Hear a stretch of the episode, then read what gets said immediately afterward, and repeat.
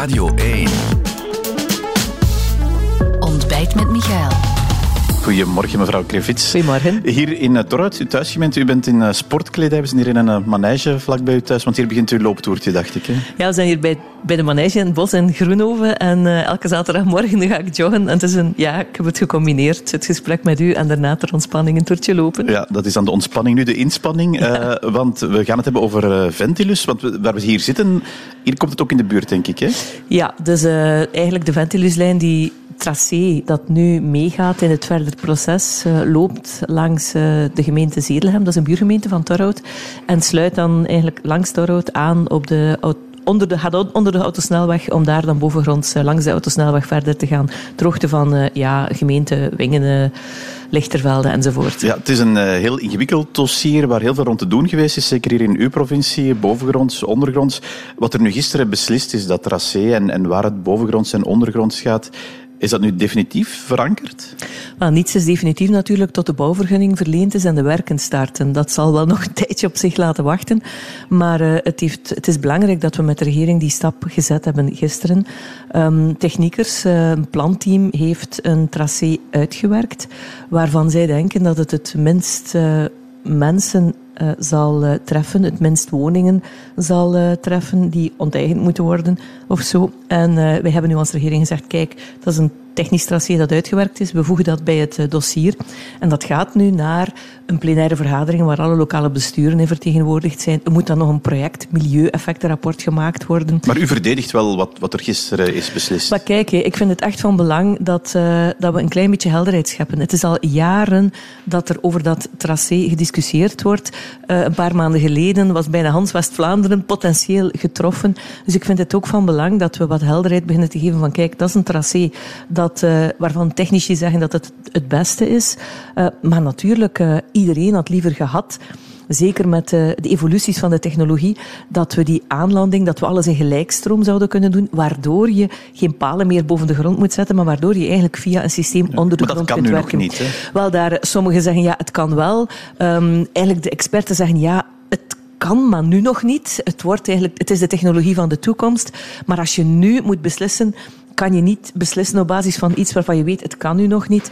Dus uh, vandaar dat ik ook gezegd heb, kijk, uh, ik moet als minister ook mijn verantwoordelijkheid nemen en uh, laat de procedure nu gewoon verder gaan. Ja, die procedure, u zei dat ook al, daar gaan de lokale besturen, de gemeenten dan inspraak in hebben. Ja, hier in deze streek zijn het vooral gemeenten waar uw partij aan, uh, aan zet is, uh, de ja, burgemeesters Ik hoor die wel allemaal zeggen, ja maar ja, nee, we gaan, uh, we gaan hier ons niet zomaar bij neerleggen. Wel, ik heb ook met een aantal burgemeesters vorige week een gesprek gehad. Het was een goed gesprek. Sommigen zijn ook blij dat er eindelijk wat helderheid komt over langs waar dat zou kunnen gaan, waar je ondergronds kan gaan, waar je bovengronds blijft. Maar ik vind dat we respect moeten hebben voor de bezorgdheden die er zijn van lokale besturen, ja. naar bijvoorbeeld de compensaties die zullen betaald worden, naar het tracé ook. Ik heb uh, gezien, er is nu zo'n kilometer ondergrond. Misschien kan dat uh, nog wat meer worden als je een beetje verder staat in de techniek. Ja, maar Al dan, die dan is het toch weer, dan is toch weer aan, aan wat gisteren beslist is beginnen morrelen. Maar ja, het zou wel gek zijn natuurlijk als we nu zouden zeggen, kijk, we gaan uh, in het openbaar onderzoek dat nog moet gebeuren, we houden met niks rekening, je moet niet komen, we gaan gewoon door.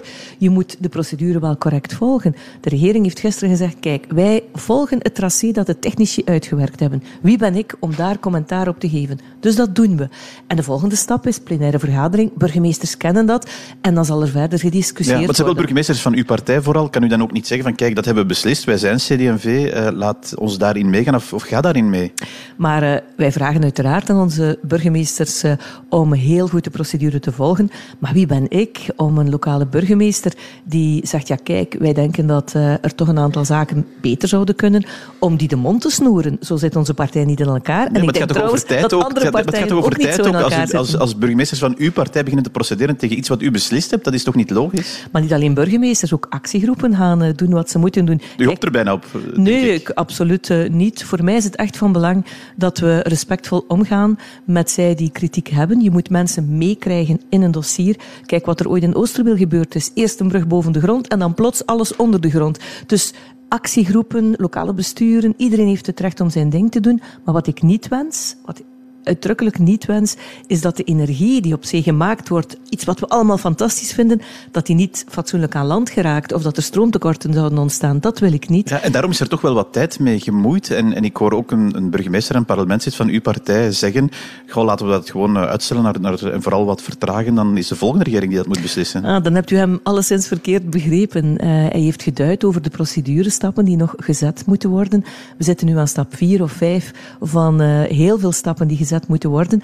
En het is aan ons uh, als regering om onze job te doen. uiteindelijk moet er ook nog een bouwvergunning verleend worden en moeten de werken ook effectief starten. Dat zal sowieso nog een tijd in beslag nemen. Komt dit nog terug op de, de, tafel van de Vlaamse regering? Maar uiteraard, dus nu um, hebben we nog het concept is nu uitgetekend.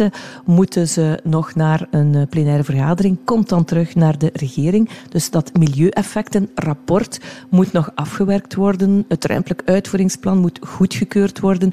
Dus het zal ook nog een tijdje duren vooraleer dat terugkomt. En bovendien, de beslissing die we gisteren genomen hebben, die is niet aanvechtbaar. Dat is een, een actename die we gedaan hebben van een tracé dat uitgewerkt is door technici, maar waar wij mezelf inbegrepen als regering van gezegd hebben, kijk, we geven groen licht, die techniekers hebben hun werk uh, gedaan en nu moet, moet het proces zijn verder verloop ja, Maar ik hoor u toch ook zeggen, om dit af te sluiten, het, het kan ook nog zijn dat er aanpassingen zijn, dat er nog meer ondergronds komt. Wel, ik weet dat er op een aantal plaatsen uh, toch wel wat uh, tristesse is, ook omwille van het feit dat, dat je niet wat verder onder de grond kunt. Ik weet dat er in Izegem zo'n passage is, waar blijkbaar kleigrond een probleem is. Dus ik vind dat we daar in alle ernst moeten naar kijken. En, en dat kan ook eventueel aangepast worden. Maar voor mij kan alles aangepast worden als we de mensen maar meekrijgen. De technologie van de toekomst zal ondergrond zijn. Maar wat we met deze regering nu ook beslist hebben, en wat voor mijn partij CD&V cruciaal was, is dat we eindelijk een kader maken om aan mensen te zeggen, kijk, dat zijn veilige niveaus van straling, dat is een goede zaak, en ook een netwerk uit te bouwen om te kunnen controleren wanneer straling te te, te straf is of niet te straf is, met sancties eraan verbonden. En daarmee verwijst u naar een beslissing van die Vlaamse regering waar u in zit, uh, waar het denk ik eh, geen evidente maanden waren. Uh, we hebben nu een paar keer ook uh, daar op die regeringsbanken voor u doen behoorlijk boos zien worden. Ja, het, het hoeft niet gezegd, stikstofakkoord, Ventilus ook, kinderbijslag in het najaar. Hoe, hoe, is dat nu eigenlijk in, in die Vlaamse regering met de relaties? We zijn allemaal professionals natuurlijk. Ja? Je bent niet in de politiek om daar je beste vrienden te zoeken, maar je moet wel professioneel goed kunnen samenwerken. Ik ben bijvoorbeeld eh, bijzonder, bijzonder uh, gelukkig dat de regering gisteren groen licht gegeven heeft uh, voor een plan om de crisis in de jeugdhulp ja, daar gaan we het straks zo over hebben. Maar, maar, ja, maar er dat, is toch heel veel... aan dat we goed kunnen beslissen. Ja, is dat zo? Want, want het, het leek toch dat zeker uw partij uh, ja, andere kant van zichzelf liet zien, minder makkelijk uh, naar akkoorden ging. Echt, echt ook ging uh, tegen beslissingen die al genomen waren uh, terug in het verweer gaan. Snapt u dat beeld een beetje? Ik vind het echt van belang dat we als partij ook uh, kleur hebben. Uh, sommigen verweten ons vroeger, je bent uh, te veel een grijze muis. het hoeft geen betoog dat stikstof een heel moeilijk dossier was. Maar als je 20.000 bezwaren hebt tegen een beslissing die je wil nemen als regering, je zou wel gek zijn om daar geen rekening mee te houden. Ik ken andere dossiers hè, waar er duizenden ja, bezwaren minder waren. Als je mij even laat uitspreken, waar er duizenden ja. bezwaren minder waren en waar we als regering gezegd hebben, oei, we houden ermee op, we leggen, we leggen het dossier een beetje in de schuif, want de mensen die moeten er niks van weten. Nu hebben we beslist in stikstof, ja. onder bepaalde condities, maar rekening houdend met 20.000 bezwaren. Maar ik denk dat niemand dat in twijfel trekt, dat u binnen de regering daarmee rekening houdt. Het was ook de manier waarop, wat we zagen, uw voorzitter ook verklaren, uh, naar, naar andere meerderheidspartijen ook toe. Dat was wel ongezien voor uw partij. Wel, uh, mijn uh, voorzitter doet zijn job uitstekend. Ik vind het ook goed dat een voorzitter een scherp profiel neemt. En trouwens, als ik naar alle andere voorzitters kijk, ook deze van de partijen die met ons in de coalitie zitten, ze moeten ons niet veel verwijten. Ja, ik vraag het ook omdat ik u in een krant vandaag zie zeggen, dat zit niet echt in mijn DNA van, van zo die openlijke ruzies. Ja, ik ben uh, iemand die altijd uh, consensus gaat zoeken.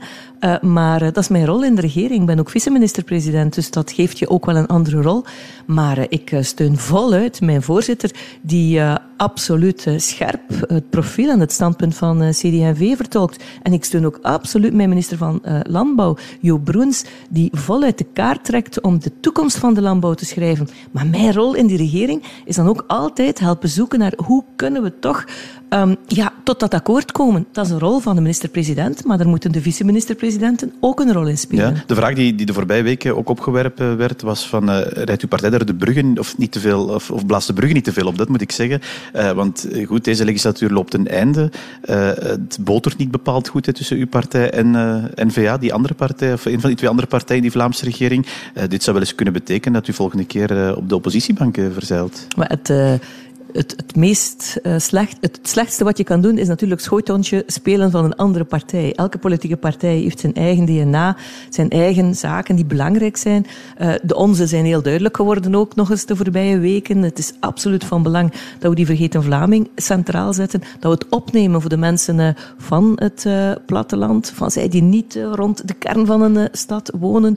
En um, ja, de kiezer zal uiteindelijk beslissen aan welke partij hij of zij de stem geeft. En na die verkiezingen zullen we dat wel zien, uh, welke partij met wie in zee gaat. Maar hebt u dat nooit aan gedacht, als, als die Russen er nu zelfs open en bloot getoond werden in het parlement, van ja, dit, dit kan wel eens gevolgen hebben, die blijven duren na 2024 ook? Het belangrijk, belangrijkste voor mij is dat we nog goede beslissingen kunnen nemen met deze regering en dat we dan als partij een goed verkiezingsresultaat neerzetten. Het heeft uh, geen zin om nu al uh, te zeggen, ja, het enige wat belangrijk is, is meebesturen. reason Dat is een absoluut fout idee. We moeten nu sterker worden, tonen waar we voor staan. En dat hebben we ook wel gedaan. Als ik kijk naar de aandacht die er nu is, ook voor in de kinderbijslag, voor die gezinnen, de stappen die we zetten in de kinderopvang, de, het dossier jeugdhulp, waar ik uh, gisteren tot mijn grote vreugde een plan van 100 miljoen euro heb goedgekeurd gekregen in de regering. Dat zijn goede zaken. Ja, dus het is nog één jaar tot de verkiezingen. Dat wordt een, gaan we dan die CD&V die we nu zagen de voorbije weken en maanden op, opnieuw zo zien tegen alles ingaan? Of, of, of hoe gaat dat Maar ik, het verbaast mij dat u dat eh, zo zegt, want alle partijen eh, profileren zich bij wijlen heel scherp. Misschien uh, was u dat niet gewoon van CD&V, maar het is iets waar ik in elk geval veel positieve commentaren Dus dat blijft het volgende jaar? Ja, maar je moet, je moet je punt scherp maken, maar dat betekent niet dat je uh, vermijdt om akkoorden te sluiten. Integendeel, je kan ook via scherpte tot goede akkoorden komen. Iedereen moet altijd wat water in de wijn doen. Je kan niet, uh, het kan niet zijn dat het één iemand alle beslissingen alleen neemt.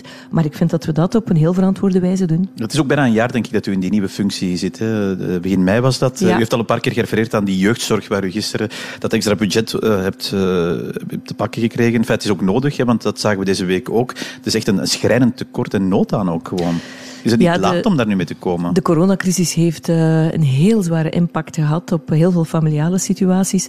En eigenlijk is uh, de teneur die we al een aantal jaren hebben, is ja, probeer zo weinig mogelijk, ook jongeren met een handicap, probeer die een eigen budget te geven. Uh, maar we zien nu dat we in bepaalde situaties echt jongeren moeten kunnen laten uh, verblijven een stuk om rustig te worden terug in de voorziening. Dus het is de eerste keer in heel veel jaren dat we budget vrijmaken om extra plaatsen in uh, voorzieningen te creëren. En wat gaat zich dat vertalen, dat budget dan? In die plaatsen extra? Wel, we zouden toch tot 400, 500 extra plaatsen willen komen. Maar wat ook belangrijk is, en dat is dan de nieuwe manier van werken, we hebben ook budget uitgetrokken om uh, meer dan duizend gezinnen echt ook te gaan begeleiden. Want uh, een jongere weghalen uit de familiale situatie, ja, je kan dat doen, maar dat is eindig natuurlijk. Dus je moet ook terug leren hoe kan die jongere terug connectie vinden met zijn familie of met een nieuwe familie of op een plaats waar hij, zich, hij of zij zich uh, goed voelt.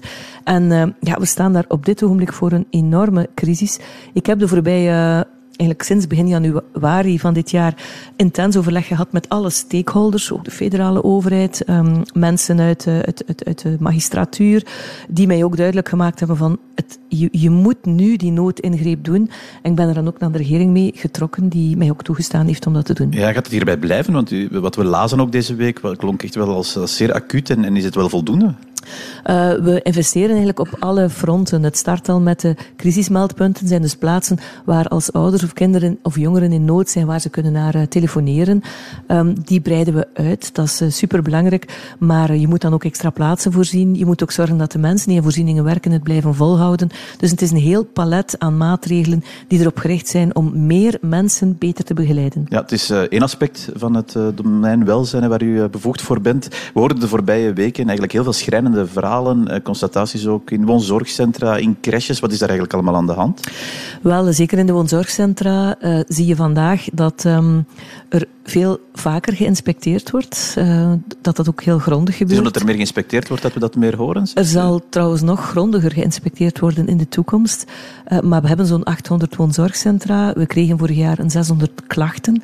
Um, dus die klachten worden ook nauw opgevolgd. Mensen zijn ook mondiger geworden. Als ze zien bij uh, iemand dat er iets niet goed loopt, dan laten ze dat weten. Elke klacht wordt grondig bekeken. Maar um, ja, ik vind dat het nog beter moet. Ik ga daar niet flauw over doen.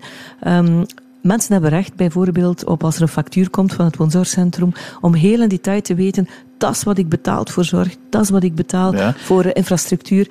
En dat is nog te ontransparant. Wat, Daar wil ik de komende maanden vanuit, echt stappen in zetten. Doen? Wel, voor mij is het simpel. We moeten via regelgeving verplichten dat er een, uh, een heldere factuur komt, dat mensen precies weten wat betaal ik om hier te wonen, wat betaal ik om hier te leven en wat betaal ik voor de zorg die mij gegeven wordt. Want die zorg wordt door Vlaanderen betaald. Ik, wij betalen eigenlijk alle medewerkers. Dus ik wil dat dat de komende maanden echt helder is voor alle woonzorgcentra in uh, Vlaanderen. Ook de private? Zeker de private. Uh, want daar zijn nu natuurlijk heel veel commentaren van hoeveel winst maken jullie? En ik word een beetje kwaad als ik uh, dan mensen hoor in het ongewisse vertellen. Ja, we weten het eigenlijk niet. Verdorie, het gaat hier over de laatste levensfase van mensen je, die hebben recht op transparantie en helderheid en de beste zorgen. Oké, okay, dat is iets voor de komende weken en maanden. Het is nu uh, paasreces, zoals dat heet. U heeft ook even een pauze? Ik hoop om even een pauze te kunnen nemen, ja. ja maar eerst die uh, looptocht die uh, hier start. Maar lopen is voor mij ook een stuk pauze okay, nemen. U dan... kunt het zich misschien niet voorstellen, maar nee. dat is zo goed voor, het, voor, de, voor de mentale gezondheid. Oké, okay, dan wens ik u een fijne looptocht. Het zal wel in de regen zijn, maar dank wel om eerst hier aan te schuiven. Dank u wel, mevrouw Krevits. Graag gedaan.